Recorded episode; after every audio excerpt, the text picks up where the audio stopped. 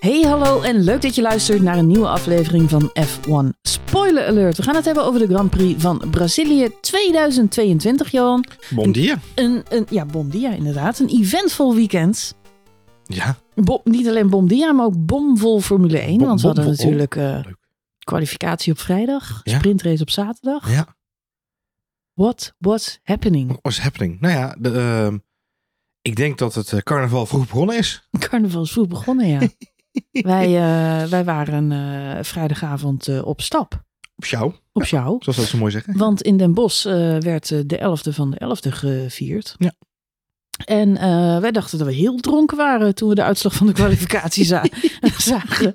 Want Kevin Magnussen had pole position. Ja, nou, nou vlakt het een het ander niet uit. nee, Maar toch maar het verrassend. was heel verrassend Ja. toen we daar ja, toch wel redelijk laveloos aan het eind van de middag, eh, begin van de avond moet ik zeggen, eh, met z'n allen over een telefoonscherm eh, gebogen niet stonden. beter, hè? Begin van de middag, eind van, begin van de avond, Ik weet eind van niet de meer, middag. Ik weet niet, ik weet, ik- volgens mij was het al donker, maar ik kan me echt niet meer herinneren. Het enige wat ik weet is dat iedereen naar zijn scherm stond te staren. En dat Kevin Magnussen pole position had. Ja.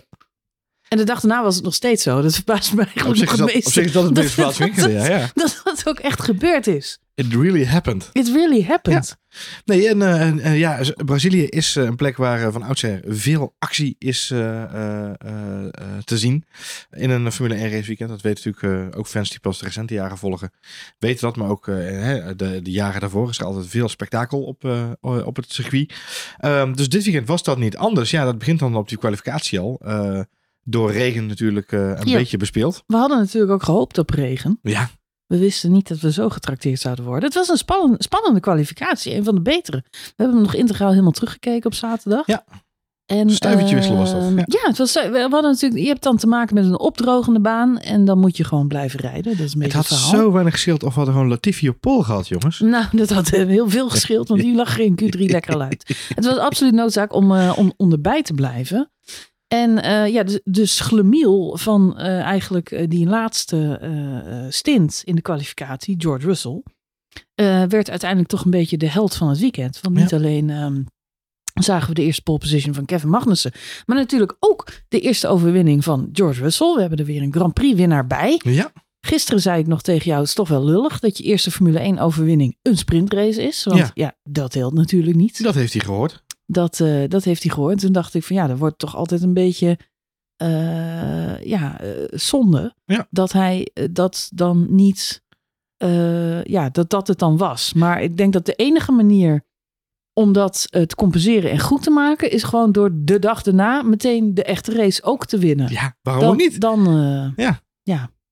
Het is, eh, het, het was, ik zei tegen jou, het had weinig schild of zijn Hulkenberg scenario was om de hoek komen zeilen inderdaad. Ja, jij, jij had het hele plan al klaar liggen. Die jongen gaat nooit de Grand Prix winnen. Dat wordt één grote... Zou het nu wat zijn als hij nou nooit een Grand Prix zou winnen, maar wel zo'n ene sprintrace? Hoe ga je hij was er wel in? heel emotioneel. Emotionele rollercoaster was hij eronder. Ja, ja, dat ga ik liedje ga ik niet nog een keer zingen, want ik ben net van, ik ik heb net mijn stem weer terug. ben net van mijn Dus, Axel eh, Rose stem af. Dus eh, het, heel, hoort nog steeds een beetje het hoor. had heel weinig geschild of mensen Je hoort nog steeds een beetje. Axel Rose tegenwoordig, goed Ja, Nederlands. Ja, Ja, dat is Rain Down on... Oh nee, wacht, dat is weer een ander lied, andere band. Kane. Ehm, Kane? Ja, Kane klinkt ook zo. Dinant, dit is ja. echt blasphemy hè? Dat jij... Dinant klinkt ook een Ja, beetje zo. Guns N' Roses Nee. en Kane door elkaar haalt, Johan. Dat is en Rain dat is. Ja. shocking, Johan, voor deze Nou, voor de, voor de luisteraars... glamrock eh, purist Voor, voor de eh, aan de luisteraars, mijn, de, de tafel. mijn, ja. mijn poging om Dinant Woesthoff na te doen, dat is altijd dat geluid.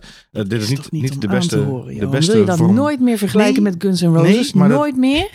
Dat is muziek, jongen, Guns N' Roses. mijn iets wat aangeschoten hoofd ging van Rain, November Rain, naar Rain. Nou, dus dat is even die fout uitgelegd. Sorry, dames en Het was heren. nog niet zo Sorry, groot als de fout van Charles Leclerc om op intermediates te gaan in de laatste Dat was ook een mooie. Dat was, dat was zeker een grotere fout dan dan die jij een net maakte. Om dan maar een Dat, bruggetje te eh, maken. Ja, nee, dat is een goede brug voor jou. Ehm, Was dat zijn eigen keuze, denk jij? Ik heb begrepen van wel. wel. Ja, eh, eh, het verbaast mij omdat Sainz wel gewoon op, eh, volgens mij op, eh, op soft starten. Die eh, laatste sessie. Start hij daar op, op intermediates inderdaad. En daardoor zet hij zichzelf eigenlijk gelijk buiten spel. Ja, het, is, eh, het was eh, opmerkelijk. Een opmerkelijke eh, Ik, kwalificatie. moet- ik moet zeggen dat ik, als ik zo nu aan het hele raceweekend terugkijk, denk, want we hebben natuurlijk he- heel veel te bespreken. We hebben een, een kwalificatie, een sprintrace en een gewone race, waar we, hè, die net is afgelopen. Dus we zitten er nog heetst van de strijd in. Nee, dat, dat, Zijn hebben we even laten zakken. En daarna hebben we even laten zakken. Ja, Misschien is het ook wel goed om even. Terug te grijpen naar die vrijdag en die zaterdag. En daar het eerst even rustig over te hebben. Maar ik moet zeggen, ik denk dat het misschien wel de leukste kwalificatie van het hele seizoen was. Zoals Ja, qua ja. spanning en opbouw. Maar dat, dat Ja. komt, we, we, zeiden net al, het is begin op intermediates. eh, Dan moet je maar zorgen dat je in elk geval een ronde neerzet. Dan ga je langzaam aan naar een droge baan toe. En moet het ineens allemaal sneller, sneller, sneller. Nou, dan krijg je hele komische situaties. Dat je eh, coureurs hard ziet gaan. Komt Max Verstappen, die gaat er geloof ik vier seconden onder iedereen door. En die neemt geen enkel, eh, geen enkel risico met zijn banker lap. Nee.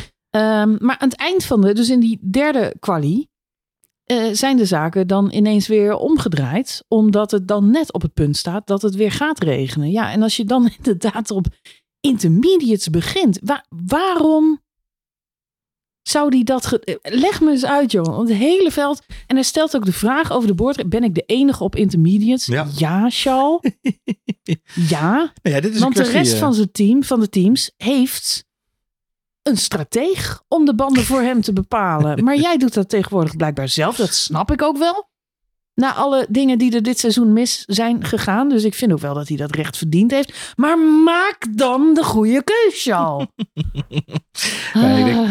De, de fout zat natuurlijk in het feit dat er een donderwolk, of eigenlijk een, een donkere wolk boven het circuit hing op dat moment. Eh, er zou regen aanstaande zijn. Ehm, zou je dan op de intermediate meeste teams hadden de inschatting gemaakt. Maar laten we in ieder geval proberen om één Eén rondje goede ronde. op Dus softs te rijden. alles inderdaad. wat je hoeft te doen. Alles wat je nodig had. Ehm, bij Ferrari dachten ze, ja, maar het kan zomaar zijn. Dan staan we daar te wachten en dan begint het te regenen. Hm. En dan rijdt hij daar eh, als enige ja, maar daar op had je terug naar binnen, daar had je, daar had je terug naar binnen gekund. Had je gewoon andere bandjes kunnen halen. Net Ja, zoals de nee, kijk, de inschatting was wel juist. Mhm. Laten we dat vooropstellen. Dus de inschatting van Ferrari en ook de alle andere teams was wel juist. Er stond een behoorlijke plensbui te Ja. Die was van die aard dat de kwalificatie ook gewoon stilgelegd moest worden. Ja, maar 1 Eh. minuut 14, dat is een heel groot verschil in Formule 1 termen. Dat is precies de tijd die je nodig hebt om een hele snelle ronde te rijden. Eh, en het verschil is dat, eh, dat uiteindelijk die regen wel komt. maar op, voor Charles Leclerc het compleet verkeerde moment. Het is of de regen komt op het verkeerde moment. Of Charles Leclerc koos de verkeerde band op het verkeerde moment. Dat kan Je ook. begint altijd op een droog weerband, als het nog droog is en dreigt te gaan regenen.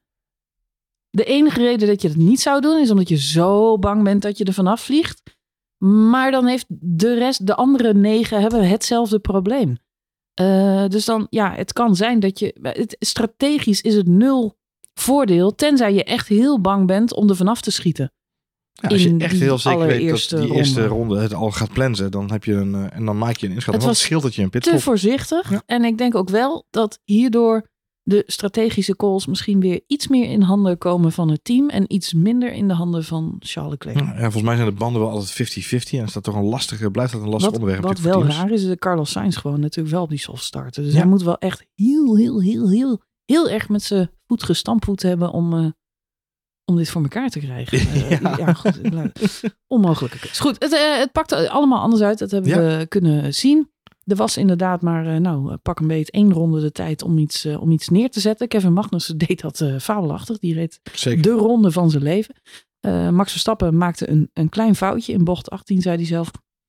En daardoor eh, net, in, net in ietsje pietje eh, langzamer. Eh, de coureurs daarachter die waren ook nog niet op, eh, op stoom. En een aantal hadden volgens mij nog niet eens eh, eh, volledig. Of ze zijn allemaal nog net wel over start-finish gekomen. George Russell had natuurlijk ook net wel een, rondje, een goed rondje neergezet. Ja. Want die reed de derde tijd. Ja, maar er is al Ehm, twee tienden van Max af hoor. Dus Ja, maar parkeerde hem daarmee daar, daar wel in de, in de grindbak. Ja, Ja. en toen begon het te regenen. Dus dan was het aftellen en, eh, en klaar. Ja, en daar ga je natuurlijk allemaal eh, 2022 na de Grand Prix van Brazilië overal je vraagtekens bij zetten. Hè? Die rode vlag aan de kwalificatie. Ja, Dat is een andere discussie was, voor later, eh, dit was natuurlijk wel een enorme... Hij zal er zelf van balen inderdaad. Want eh, de tijd van Magnussen een 1.11.6. eh Verstappen een 1.11.8. eh en Russell een 1.12.1. ja, 5, 1.12.05. Ja. Eh, dus ja, het verschil was wel van die aard. Ja, gelukkig voor George Russell eh, ja, komt het niet meer tot een echte kwalificatie. En is zijn derde plekje daar eh, gewaarborgd op dat moment. En dat, ja, dat voordeel neemt hij mee naar de zaterdag natuurlijk. naar die sprintrace. En daar, ja, weet je, wat al duidelijk was, ook in die kwalificatie, is dat Mercedes er dit weekend gewoon heel goed bij zat. Maar met name in die sprintrace zagen we pas, goed en wel, hoe goed ze erbij zaten dit weekend. Ja, ze zaten er zeker goed bij. Het, Mercedes was het te, te verslaan, eh, te- het team to beat Ja, in het te verslanen het, team. te verslanen T- Het klinkt ook een beetje gek. Dan ben ik met je. niet goed Het is in het de laatste avond, maar Nee. dan nog. Het, eh, het, ja, de, eh, het, team om te verslaan. Ja. En dat, en dat bleek ook inderdaad. In, in de sprintrace was er, ja, je kwam er eigenlijk niet in de buurt. Max Verstappen stond achteraf bezien natuurlijk op de verkeerde band. Ehm, deed hij waarschijnlijk ook om zo'n setje roods uit te sparen voor de zondag.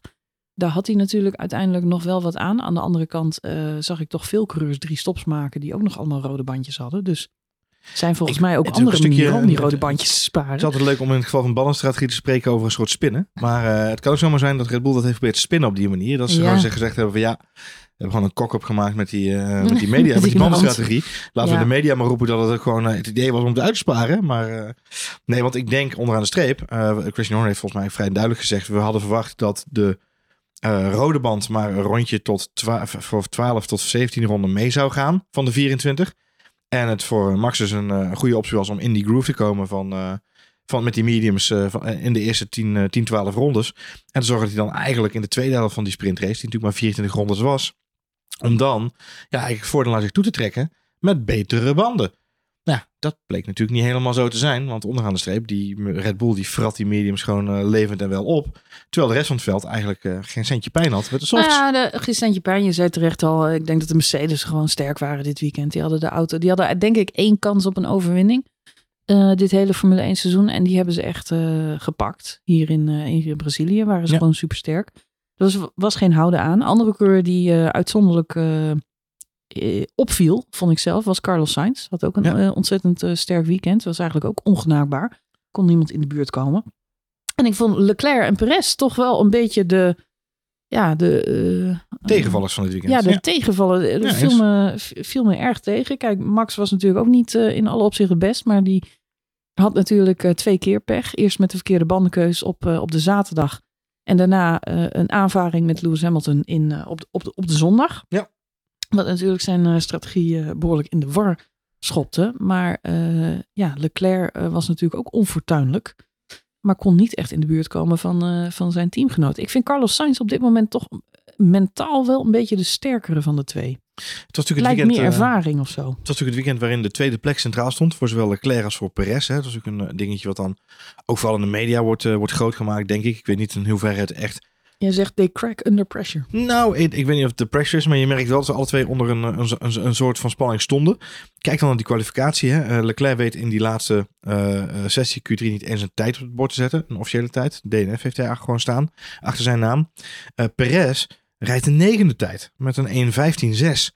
Even kijken. Ja, 1.15.6. Magnussen 1.11. Ja. Perez 1.15.6. Laten we niet vergeten dat eh, Leclerc daar Perez ophoudt hè, op die intermediates. Ja, nee, dat Die- klopt. Ja. Dus Perez had een shitronde, omdat hij vast zit achter Leclerc Achter op de intermediates, die drie seconden langzamer rijdt dan de rest. Maar ook dat is weer strategisch en vanuit de coureur bezien een keus. Weet je, dat, ook daarin moet je ook slimmer je, zijn, moet niet ik, achter Perez je moet niet achter Leclerc rijden op intermediates. Nou ja, het, Dat weet zijn team en dat weet hij zelf ook. mij Iemand team- had hem moeten, eh, daar weg moeten halen. Het team ziet Leclerc naar buiten op die groene banden en zeggen: Hey, Checo, in plaats van, van vijf seconden zitten. moet je even acht seconden tijd nemen. Want Ja. anders heb je binnen no time die Ferrari voor je neus hangen. en dat bleek. Nou, dat was gewoon zijn fuck-up.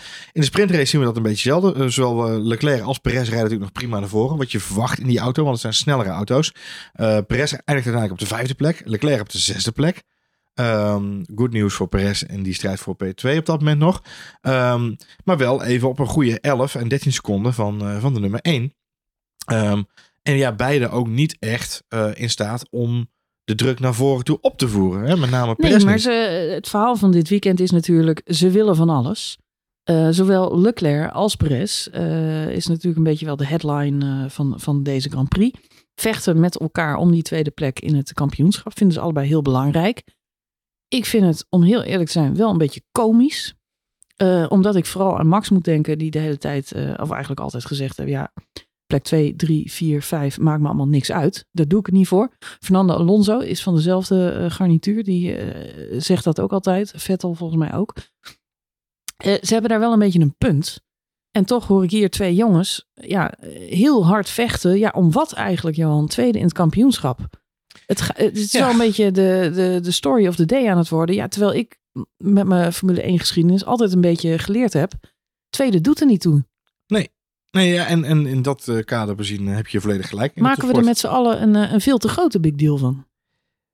Uh, ja, misschien wel in het geval van Perez, uh, of in het geval van Leclerc, sorry. Uh, want daar is inderdaad weinig eer te behalen. Kijk, vanuit het geval van Red Bull zou je hem nog kunnen bekijken onder de vlag van Red Bull heeft nog nooit een 1-2 in het coureurskampioenschap weten bij te schrijven op een palmares. Mm -hmm. Natuurlijk wel al uitgebreid een aantal keren wereldkampioen geworden, maar nooit die 1-2 weten te bereiken. Dus dat zou voor Red Bull een hele mooie, nou, nog steeds een symbolische, maar wel een mooie prijs zijn om, uh, om bij te schrijven in hun recordboekje. Mm -hmm. In het balboekje van Christian Horner.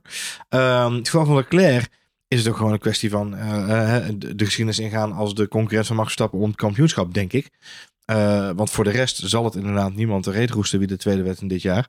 over 100 jaar kijken we op terug en zeggen we, oh ja, Max was natuurlijk een wereldkampioen. Wie werd de tweede dat jaar? oh, Leclerc of oh, Perez, prima.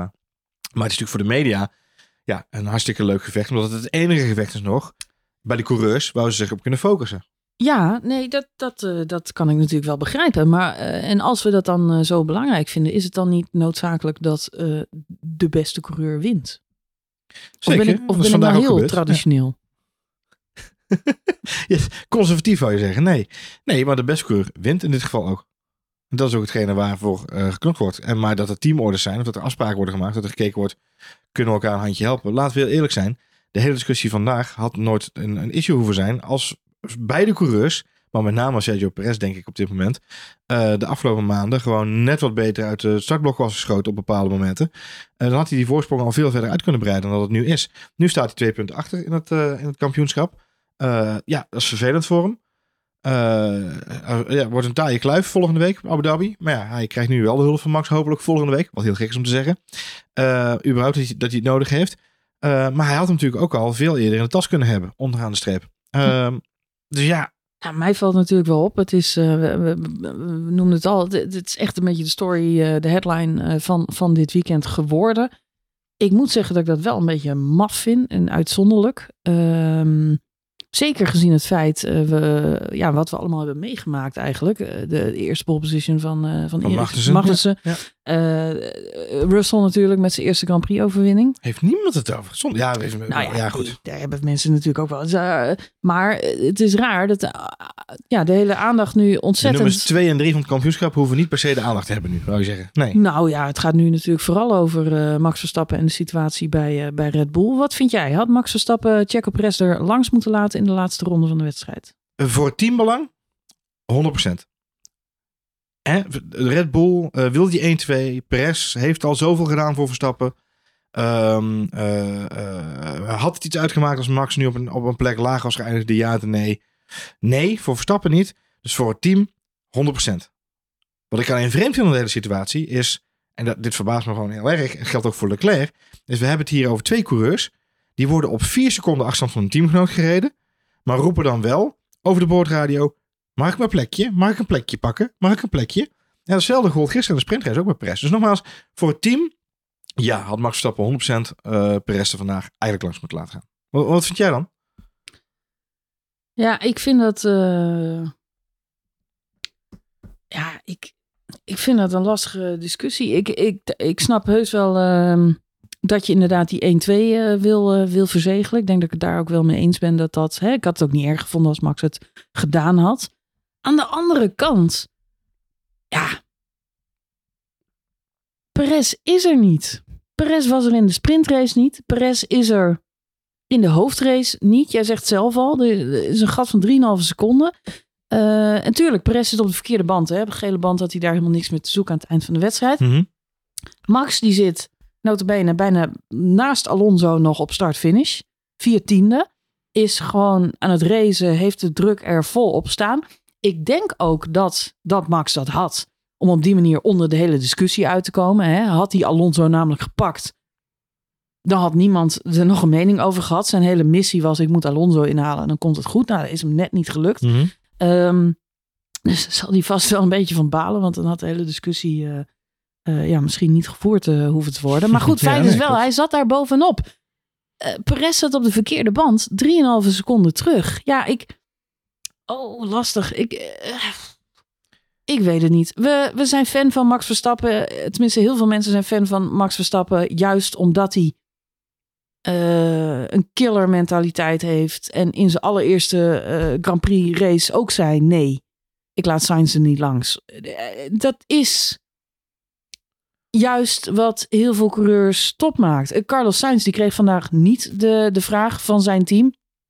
Maar Carlos Sainz hebben we dit seizoen ook meegemaakt. Dat hij de vraag krijgt om Leclerc er langs te laten of op te houden of wat dan ook. En dat hij zegt, nee, dat ga ik niet doen.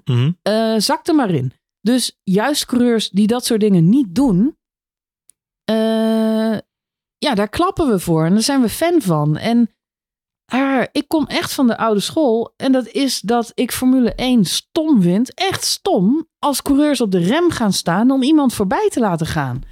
Daarnaast, ja, dan speelt er nog iets anders. En dat is voor ons alleen maar gissen. Want we zijn buitenstaander. Maar Max zegt over de boordradio. Ik heb mijn redenen om hem niet voorbij te laten gaan. Daar hebben we het al over gehad. En daar blijf ik bij. Al, dat betekent, het maakt me niet eens uit wat die redenen zijn. Hè, want er gaan allemaal speculaties nu eh, los op het internet. Wat er, hè, er zou op Monaco eh, eh, van alles gebeurd zijn eh, rondom eh, eh, eh, de crash. Ja. Eh, ja, en de, de, de crash van Perez tijdens de kwalificatie, die zou eh, volgens, volgens kwaaie tongen opzettelijk zijn geweest. Daarmee kon Perez natuurlijk die pole position eh, verzekeren en uiteindelijk ook zijn overwinning daar. Nou, er zijn mensen die beweren dat dat er iets mee te maken heeft. Maar dat, dat maakt me niet eens zo heel veel uit. Maar als, als met Max gisteren na de spin, sprintrace al de dialoog gevoerd is, laat jij Perez voorbij eh, zodat hij die tweede plek kan pakken. En hij heeft toen al gezegd: nee, dat ga ik niet doen. Dat ga ik nooit doen. Dan moet je er niet nog een keer om vragen. Nee. Als die gast met 300 km per uur in een Formule 1 auto zit. Dat is het verkeerde moment. Dan, dan, tenzij hij daarmee heeft ingestemd. Maar over de boordradio lijkt heel duidelijk gezegd te worden: nee, ik heb al gezegd dat ik het niet zou doen. En ik doe het nog steeds niet. Ja, daar kan, daar kan ik niet zo heel veel tegen inbrengen. Dat vind ik ruggengraat. Dat is, eh, ja, een jo- jonge medewerker die ergens een mening over heeft. Ja, die hij wordt voor de 6 miljoenste keer afgeschreven en verguisd op het hele internet. En het is een klootzak van een vent en geen teamplayer en jada, jada, jada.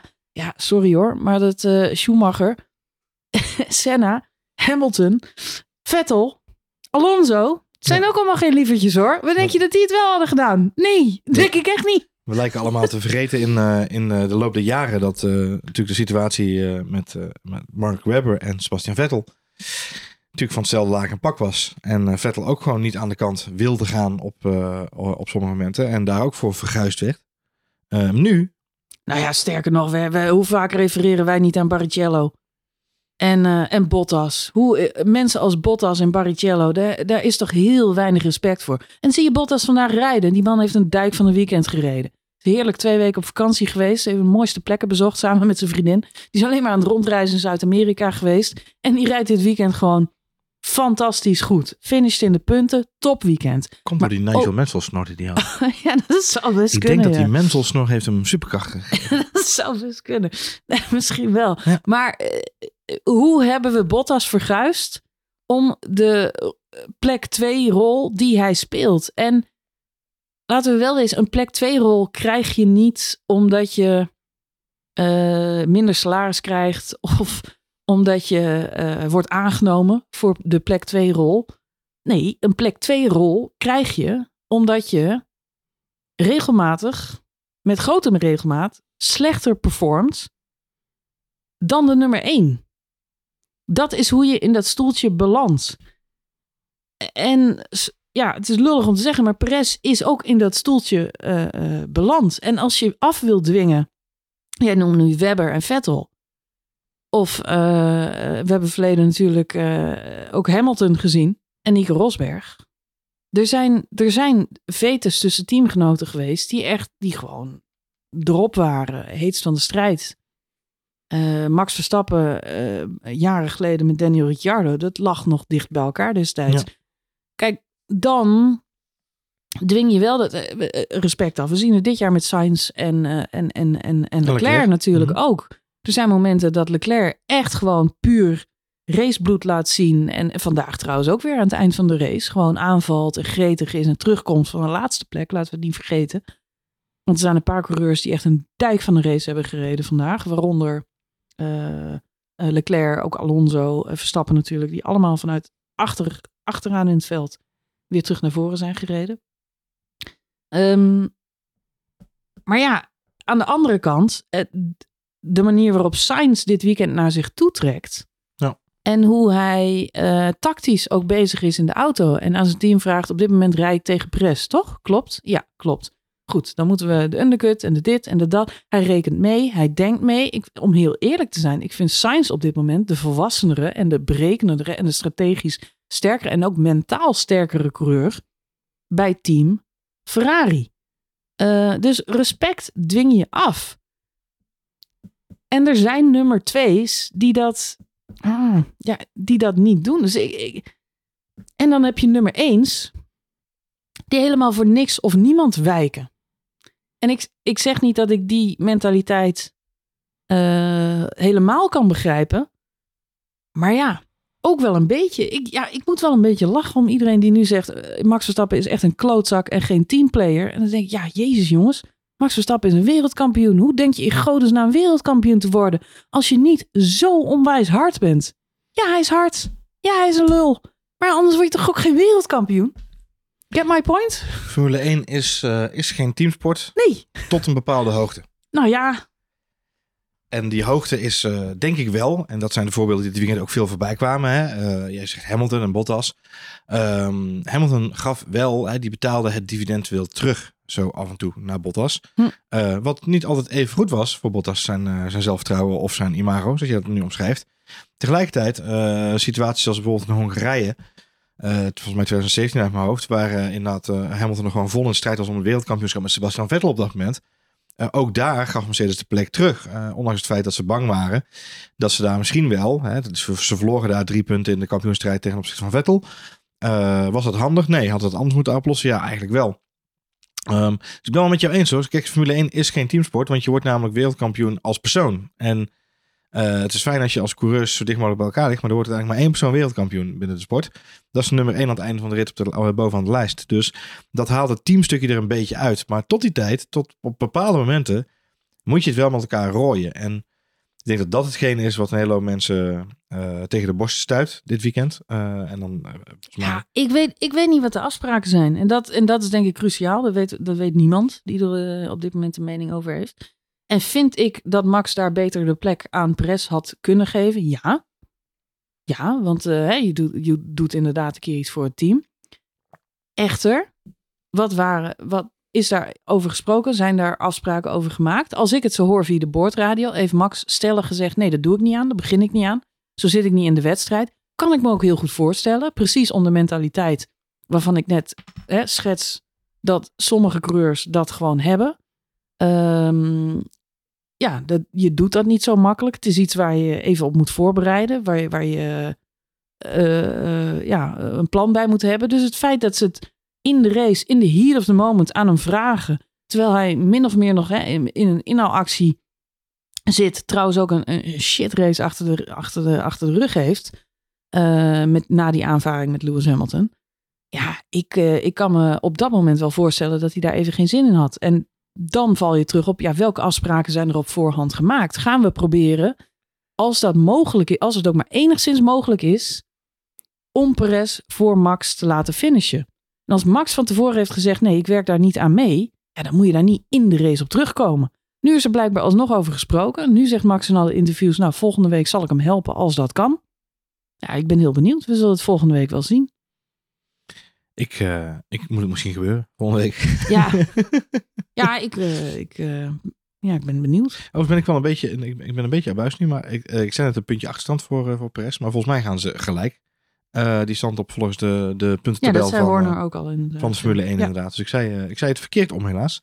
Um, nee, volgens mij is het ook veel belangrijker dat we het hebben over de andere dingen die gebeuren. Want jij noemde al een aantal dingen die volgens mij behoorlijk spannend zijn. Ook naar aanleiding, hè, of, of vooruitkijkend naar alweer over uh, vijf, zes dagen, Abu Dhabi. Uh, en dat is namelijk volgens mij de, de, het daadwerkelijk aan de deur kloppen, wat mag ik zeggen, het intrappen van de deur door Mercedes uh, dit weekend. Zowel Lewis Hamilton, waarvan ik echt had gehoopt en gedacht dat hij vandaag de race zou winnen, want die reed echt ook een hele sterke race. Had jij gehoopt dat Lewis Hamilton zou winnen vandaag, Johan? Ja, waarom niet? Shocking opinion. Shocking ja, opinion? Nee, toch helemaal niet. Ik, vond het, ik vind het wel mooi als Lewis Hamilton een race wint. Ik vind het zeker mooi als hij race ja. wint. Maar kunnen we nog heel even hebben over dat incident vlak na de start tussen Max Verstappen en ja. Lewis Hamilton? Nou ja, dat is niet oké. Okay. Terechte nee. penalty? Niet voor uh, uh, Max Verstappen, nee. nee. Nee, het is opvallend dat uh, daar toch ook heel veel mensen... Ja goed, we hoeven niet alleen maar over de meningen van het internet te hebben. maar ja, en wij zitten natuurlijk in Nederland allemaal met een oranje bril op. Maar ik vond het wel mooi. Iemand die vergeleek, die maakte online de vergelijking tussen een Mentos en een flesje cola. Ja. Waarbij Max Verstappen de Mentos is en Lewis Hamilton de fles cola. Ja. Ja, als je dat bij elkaar gooit. En als je het bij elkaar gooit, krijg je een explosie. En dat vond ik eigenlijk wel de, de, mooiste. Ik, ja, voor mij was het echt een racing incident. Uh, Max zei zelf ook in het interview na afloop. Uh, ik had een mooie lijn te pakken. En uh, ja, zag daar een kans om, om er voorbij te steken. Maar vanaf dat moment was me duidelijk dat Lewis me nul ruimte zou geven. Ja, en dan geef ik ook geen ruimte. Nee. Het was weer Monza all over again het voor is, mij. Het is hard tegen hard dan. Hè? Het zijn twee, eh, de twee uh, steenbokken met hartjes tegen elkaar aan, zeg ik altijd. Um, en dat was hier ook weer het verhaal. Kijk, als je de uitleg van de stewards leest, dan zeggen zij eh, op zich een goede analyse. Hè? Wat ze terecht zeggen is, Max Stappen heeft Lewis Hamilton te pakken bij het ingaan aan de buitenkant van bocht 1. Daar is hij er voorbij. Alleen met het snelheidsoverschot wat hij heeft, komt hij in bocht 2 niet lekker uit. Dan had hij een keus. En dat is inderdaad of harder op de rem en zorg dat je meer, hè, dat je eigenlijk helemaal uit de actie gaat. Of je, je commit. En als je dan geen ruimte krijgt, dan ben je het haasje. Dan is de volgende vraag: is het dan terecht daar vijf seconden penalty wordt gegeven? Ik denk niet. Ik sluit me aan bij jou en, en volgens mij de mening van meer mensen op internet. Het is een racing incident. Maar dan is, uh, en ook overigens de, de, de, journalisten en media hè, die dat gewoon uh, zo analyseren en andere coureurs. Maar dan is de volgende vraag: um, vijf seconden penalty, vrij heftig. Maar ook nog eens twee strafpunten op zijn licentie. Ja, dat is uh, zwaar. Dat vind ik vrij heftig voor zo'n uh, voor zo'n incident. Ja, nou is wel als hij zelf natuurlijk toegeeft, ik, ik kreeg nul ruimte van Lewis, dus ik gaf zelf ook geen ruimte. Dan geeft hij daar natuurlijk ook wel weer mee uh, aan dat hij de, de laatste beslissing had. En ja, ja, toch ook misschien wel een beetje zijn eigen fout. Ja. Um, aan de andere kant, ja, ik ben toch nog steeds het meest eens met uh, de Mentos en de fles cola. Die twee die gaan nooit, maar dan ook nooit meer vrienden worden. Nee, die gaan niet samen op een bestie vakantie. Nee. Never. Nee. Maar dat viel mij ook wel op, want er zijn veel mensen die zeggen nu van de lucht leek toch weer een beetje geklaard. Maar dat, die, dat heb ik het hele seizoen niet echt Nou, meegekregen hoor. Q2, Die- Q3 die mensen- in- op Brazilië. De die lucht twee- leek een beetje klaar. Die twee mannen die kijken elkaar niet eens aan. En die geven elkaar geen, geen hand. Dat is helemaal eh, niks. Nee, daar zit Tussen geen... eh, geen- eh, ja. Hamilton en Verstappen. een, eh, een, een neutraal respect, denk ik. Dat, dat daar geen respect. Nee, nul. Nee, wel een Er is neutraal. geen res- Gewoon, nee, er is geen handje, respect. de beleefdheid Er is helemaal niks. er is helemaal niks tussen die twee. Dat was vandaag weer zichtbaar. Eh, de mazzel voor, voor eh, Hamilton is dat hij eh, zonder eh, al te veel schade wel door kan rijden. Ehm, God van Max trouwens ook, hè. Dus het eh gaf ja, hij ook aan. neus hè. Ja, maar na de neus wel gewoon weer... eh, hè, de Had hij gewoon eh, weer snelheid, ja. Neus pitstop overigens insane snel bij Red Bull. Ja. Eh, 10 seconden. Snelste, snelste Ja, zo- zo- neuswisseling. Zoals we ons kunnen herinneren, inderdaad. Ja, ik heb Ja. ze niet allemaal opgezocht op het internet. Maar er zijn, ja, meestal ben je dat toch al eh, 12, 13, 14 seconden mee kwijt. Bij, bij Red Bull hadden ze de complete pitstop in 10 seconden. Ja, dat is knap. Dat is Dan was er nog een ander eh, racing eh, incident. Ja, ook geen racing incident. Maar dat waren natuurlijk Leclerc en Norris. Dat Ja. was wel duidelijk ook een fout van Norris. Ja, ja, die was natuurlijk een beetje Eh, kort. dus die vijf seconden was wel terecht. Ja. En dan hadden we ook nog Daniel Ricciardo. ja, wat ook een Die racing onze incident. Ja. local favorite, hero of the weekend. Ma eh, Magnussen er gelijk uit Ja, dat was voor eh, mij tikt. wel de- verzuring van dit weekend. Is duidelijk. Ja, het is toch wel ook wel gelukkig karma dat hij er zelf ook uitvloog. Want hij had natuurlijk vorig weekend, raceweekend, ook al zo'n incidentje. Dat hij gewoon Tsunoda compleet elimineerde uit de wedstrijd. Maar Ja. zelf door kon. En daarna nog punten wist te halen ja, zelfs. precies. Ja. Ja, nu was het wel afgelopen met het geluk van eh, Ricciardo. Die man die eh, echt een roemloos eh, Formule 1 einde op deze manier. Ja, ja, Dramatisch seizoen. ja, het wordt er ook niet echt beter op inderdaad. Nee, totaal Ehm, niet. dan- ik zou dan- bijna zeggen, stap niet meer in. Zit Nick de je Vries gewoon in die auto. Elke keer denk je, hey, een stijgend lijntje. En dan, dan Nee. is het toch weer zo'n weekend als dit. Nee, waarin je, is, eh, ja. De sprintrace van Ricciardo wel best oké overigens. Maar dan denk je, neem dat dan mee de race in. Maar nee hoor, hup, eerste ronde gelijk eh badsprong. Lennon Norris had een sterk weekend, vond ik wel, ondanks zijn voedselvergiftiging. Eh, Dat was natuurlijk even nog de vraag of hij überhaupt zou eh, rijden. Eh, Nick de Vries eh, mocht alweer stoeltjes passen en een nieuwe overal. Ja. Ik geloof dat Nick de Vries nu de coureur is die naast Fernando Alonso de meest verschillende Formule 1 eh overals heeft, gespaard. Maar dan wel allemaal in één seizoen. Dat is ook wel knap, Ja, dat is ook bijzonder knap. Maar eh, helaas eh, zat dat er niet in. Ja, misschien dat ze voor de laatste race hem nog in de auto gaan zetten in plaats van Ricciardo. Die kans is niet zo heel groot. Zullen Ricciardo Nee. natuurlijk ook zijn afscheidsrace eh, wel Die gunnen. wil graag donutjes draaien natuurlijk. Hè? Ja, ach. En Vettel, ach. Ja. Volgende week nemen we afscheid van Vettel, Johan. ja. Die toch ook eh, ontzettend lekker aan het race was. Vettel, een van die meest gehate mannen in 2010, ja, 11, 12 en precies. 13. Wat een Ja. lul. Wat een lul is dat. een- oh, Maar nu? mogen, we- mogen we niet meer zo vloeken. We kunnen het even uitpiepen, de luisteren kinderen. Ja, En mensen die niet van vloeken houden. Maar eh, het gaat even voor de sake of argument. Ja. eh, over het feit dat eh wereldkampioenen. Ja. dat wereldkampioenen niet altijd de meest sympathieke eh sportmensen Ja, maar zijn. hetzelfde geldt, jij zegt het net, maar het geldt, en het is grappig om te zien dat zelfs nu in het huidige rijdersveld, Ja, Fernando Alonso, dan nog een beetje Samsam hè, tussen de Ja. fans. Zijn nog steeds you hate him of you love him. Dat, dat Ja. is nog steeds een beetje verhaal bij Alonso. Maar Lewis Hamilton en Sebastian Vettel, die worden met hand en tand verdedigd door, nou ja, we hebben zelfs de cult, zoals het dan vaak genoemd wordt, van hè, de, de team LH. Die, die Lewis Hamilton natuurlijk ondersteunen, support van Lewis Hamilton. En dan heb je Mhm. de, de, de Vettel family, die ook door dik en dun gaan voor Sebastian Vettel. Terwijl we het hebben over de coureurs die in hun beginperiode, in het geval van Lewis Hamilton, echt verguisd werd. En Sebastian Vettel ook in zijn periode bij Red Bull echt van alles nog wat aan zijn oren geleend kreeg. Maar nu hebben ze de grootste fanbases van misschien wel de, de, de wereldkampioenen al bij elkaar nu op dit moment. ja het is toch, het- it's a funny thing. Hoe, eh hoe coureur, je, je hebt wel gelijk. Kimi Räikkönen was bijvoorbeeld ook niet altijd de meest eh, charismatische en aansprekende Formule 1 coureur. Die is ook pas Ook niet te veel, ook niet te veel van zichzelf sprekende. Nee, ook Nee. niet, eh, nee, ook niet altijd even populair. En aan het eind van zijn carrière natuurlijk wel. Seb Vettel, echt door mensen gehaat, joh. Ja. Vreselijk. Heel veel mensen hadden een hekel aan, eh, aan Seb Vettel. Michael Schumacher. Nou, dat... eh, Ja. Ik moet eerlijk bekennen dat ik eh, nooit een groot Schumacher-fan ben geweest. Het hele incident met Hill was voor mij...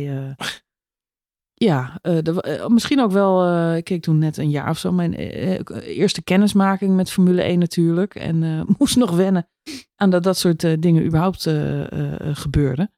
Maar ja, dat, dat hoort ook wel een beetje bij de sport. Ik gebruik het nu ook nog vaak als referentiekader. Voor de mensen die al langer, nog langer Formule 1 kijken, zijn dat natuurlijk Prost en Senna. Die elkaar ook gewoon naar het leven stonden. Ja, het... ehm, ja, goed, we kunnen het er lang over hebben. Alleen het hoort, ja, het hoort ook wel een beetje bij de Formule 1. Ik, ik hoop voor Max dat ze, dat ze hem dit niet eh, heel lang eh, gaan nadragen. Ik, eh, ja, ik blijf het een Ja, beetje. Race en is het winterstop en dan kijkt niemand er meer om. Is, Nou eh, ja, ik weet, ja, ik weet niet. Ik, vind het, ik blijf het ook wel hard vinden voor. eh, het, is natuurlijk, het blijft een beetje voor mij Lewis Hamilton weer de gevierde man in Brazilië. Sta, ere staatsburger, wat is hij geworden? Ehm, natuurlijk heel populair daar. Eh, terwijl ik me kan herinneren dat juist eh, voorgaande races Max echt wel ook een eh, populaire coureur, co- coureur aan het worden was. Ja. Ik merk dat de Brazilianen nu toch weer meer op de hand van, van Hamilton zijn. Hij heeft ook te maken met de underdog-rol. Hè? Ja, misschien niet, wel. Misschien dat, ja, misschien dat Ja. de Brazilianen gewoon altijd kiezen voor de persoon in de underdog-positie. Ja, Echt sportliefhebbers. Ja, het is een combinatie, Dat is ook van, wel weer mooi. een combinatie van twee dingen. En Lewis Hamilton was altijd al mateloos populair. En hij was Ja. dit jaar ook de, de underdog. Mercedes presteerde dit weekend natuurlijk bovenmatig goed. Ja. Ehm, en dan, eh, dan de- terecht dat mensen daar dan voor gaan staan. Applaudisseren. Het is wel eh, frappant, eh, we hadden het over Vettel, maar het is wel frappant hoe, hoe kort Max eh, wereldkampioen is en toch nu al eh, enorm gehaat wordt door heel Ja. veel mensen. Ja. Twee keer wereldkampioen en de haat zit nu al heel diep. Ja. Dat is toch, eh, ja goed, ik blijf dat wel... Nou ja, en eh, wie weet wat het nog gaat brengen de komende jaren. Ja. Ja, we gaan het, eh, we gaan het zien.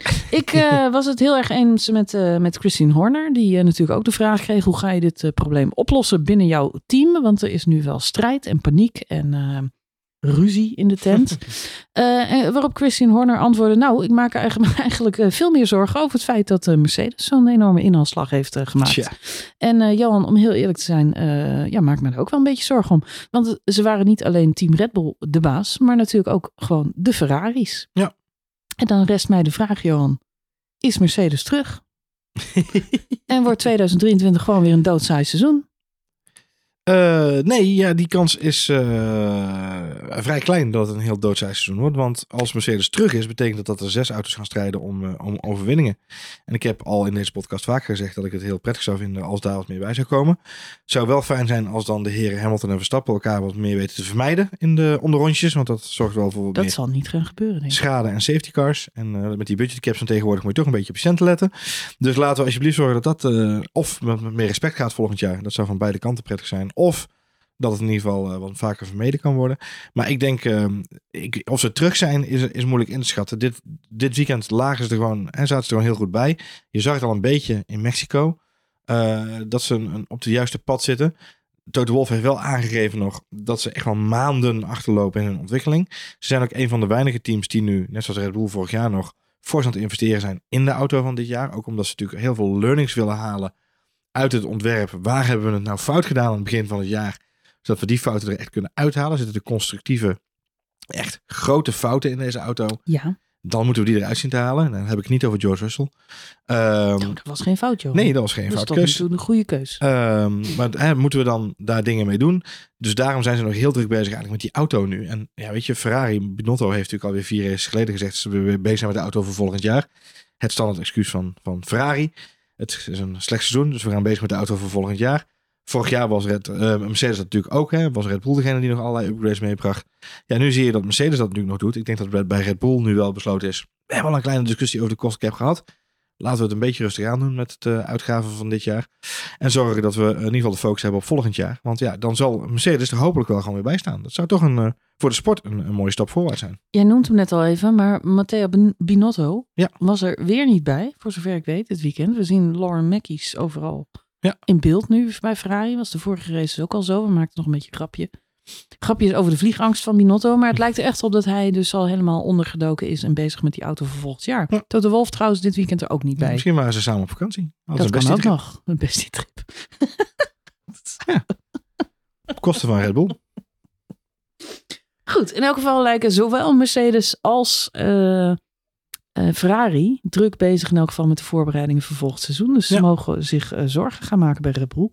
Niet alleen om de onderlinge strijd. Ik blijf het frappant vinden, Johan, dat je je teamgenoten langs moet laten om aardig gevonden te worden.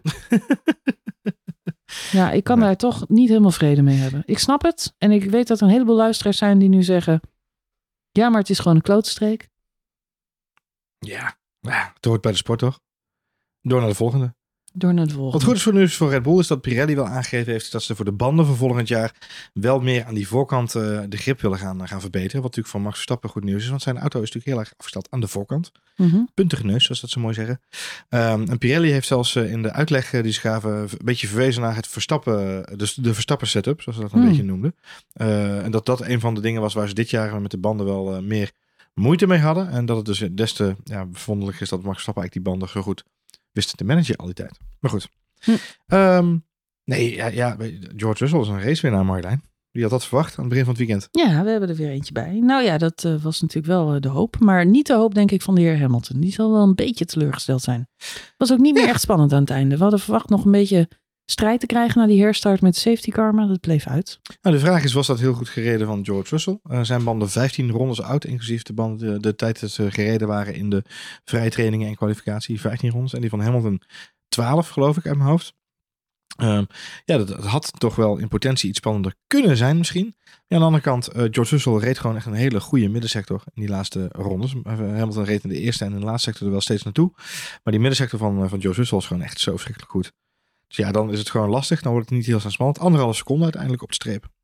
Pijnlijk. Kon niet eens een DRS komen of blijven. Nee, nou dat vooral, ja. Waar ik al eh, met eh, veel volgende naar gekeken heb dit weekend, eh, ik weet niet of jij dat ook gedaan hebt, is bij Alpine. Mhm. Daar zullen ze wel ook in de handjes geklapt hebben, denk ik. Met name hè, de ene dood, eh, in dit geval de motor is een dood, de ander is een brood. Ricciardo ging eruit bij McLaren en Norris viel natuurlijk uit met een Mhm, motorprobleem. Voor Alonso en Ocon koren op de eh, spreekwoordelijke molen. In de strijd om het, eh, kamp- in het eh, constructeurskampioenschap. Want Alonso en Ocon, mind you, alle twee achteraan, volgens mij eh 17 en 18e gestart. Rijden gewoon doodsimpel naar P5 en P8 Ja, deze race. dat is toch een meevaller voor Alpine. En daarmee was voor mij Fernando Alonso eigenlijk de freaking driver of the day. Ben ik wel met je eens. Maar. Zeker gezien het feit hij gisteren natuurlijk ook weer eh, de af werd gereden door een zekere Ocon.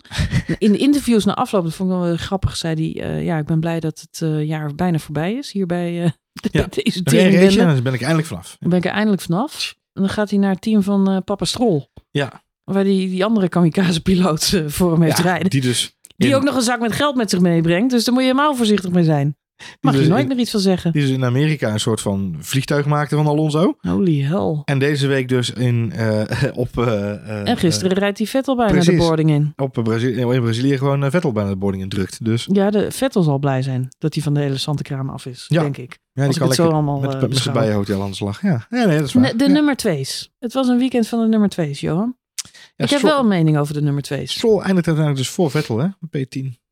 Ja, Eén puntje. eh, Gaat naar Lance dat Stroll. is eh, jammer voor Vettel. Ja. Terwijl hij toch een goed weekend had. Nou ja, Con Alonso, als je het hebt over teamgenoten battle, was natuurlijk ook pittig. Eh, je zei het al even, in de sprintrace eh kreeg ze het behoorlijk met elkaar aan de stok. Ehm, tijdens de race eh, kreeg Ocon nog eh, een hele tirade over de boordradio van zijn eh, engineer. Ik wil niet dat je het gevecht aangaat met Fernando. Ja, maar ik ga nu even Vettel inhalen. Nee, ja, dat is leuk, maar niet vechten met Fernando. Nou, het is een beetje zoals eh, de middelbare school of op de basisschool. Of misschien wel de kleuterklas. Als de juf zegt dat het niet mag, moet je het niet doen. Het was in elk geval een hele verhitte, verhitte Grand Prix, kunnen we wel zeggen. Ja. Het was niet alleen bij Red Bull eh, Fire in the Hole. Nee. Het was volgens mij overal eh, Over de hele hoge emoties. Er Ja. is toch een thing met Brazilië. Ja, dat is één ding waar het wel rustig was. Dat was bij, eh, bij Williams. Latifi en Albon hebben het gewoon heel relaxed gedaan. Ja, het rustig. Ja. Werden door de safety car ook keurig eh, vooruitgestuurd. Om, Ja, eh, die dan om, weer wel. Die Ja. dan weer wel. Ja. Tsunoda had, had minder pech. Je hebt dat later nog even uitgezocht. We waren een beetje verbaasd over het feit dat Tsunoda niet door werd gestuurd bij de safety car situatie. Die zat daar heel onhandig nog op Nog plek tussen. 6 of zo reed hij rond. Dus het was voor de herstart niet echt ideaal. Maar dat had ermee te maken dat op het moment dat de safety car inging, hij nog niet op een ronde achterstand stond. Nee, ja, er is een regel toegevoegd inderdaad. Het kost hem Ja, wel een plek Precies. omdat hij voor Latifi reed en Latifi wel door mocht. En dan krijg je ook, als je, voor degenen die goed hebben opgelet, zag je in de standings ineens Latifi boven eh, eh, Tsunoda komen in, Ja. in de ranking. En dat is dan een inhaalactie, maar dat mag helemaal niet achter de safety car. Nee, klopt.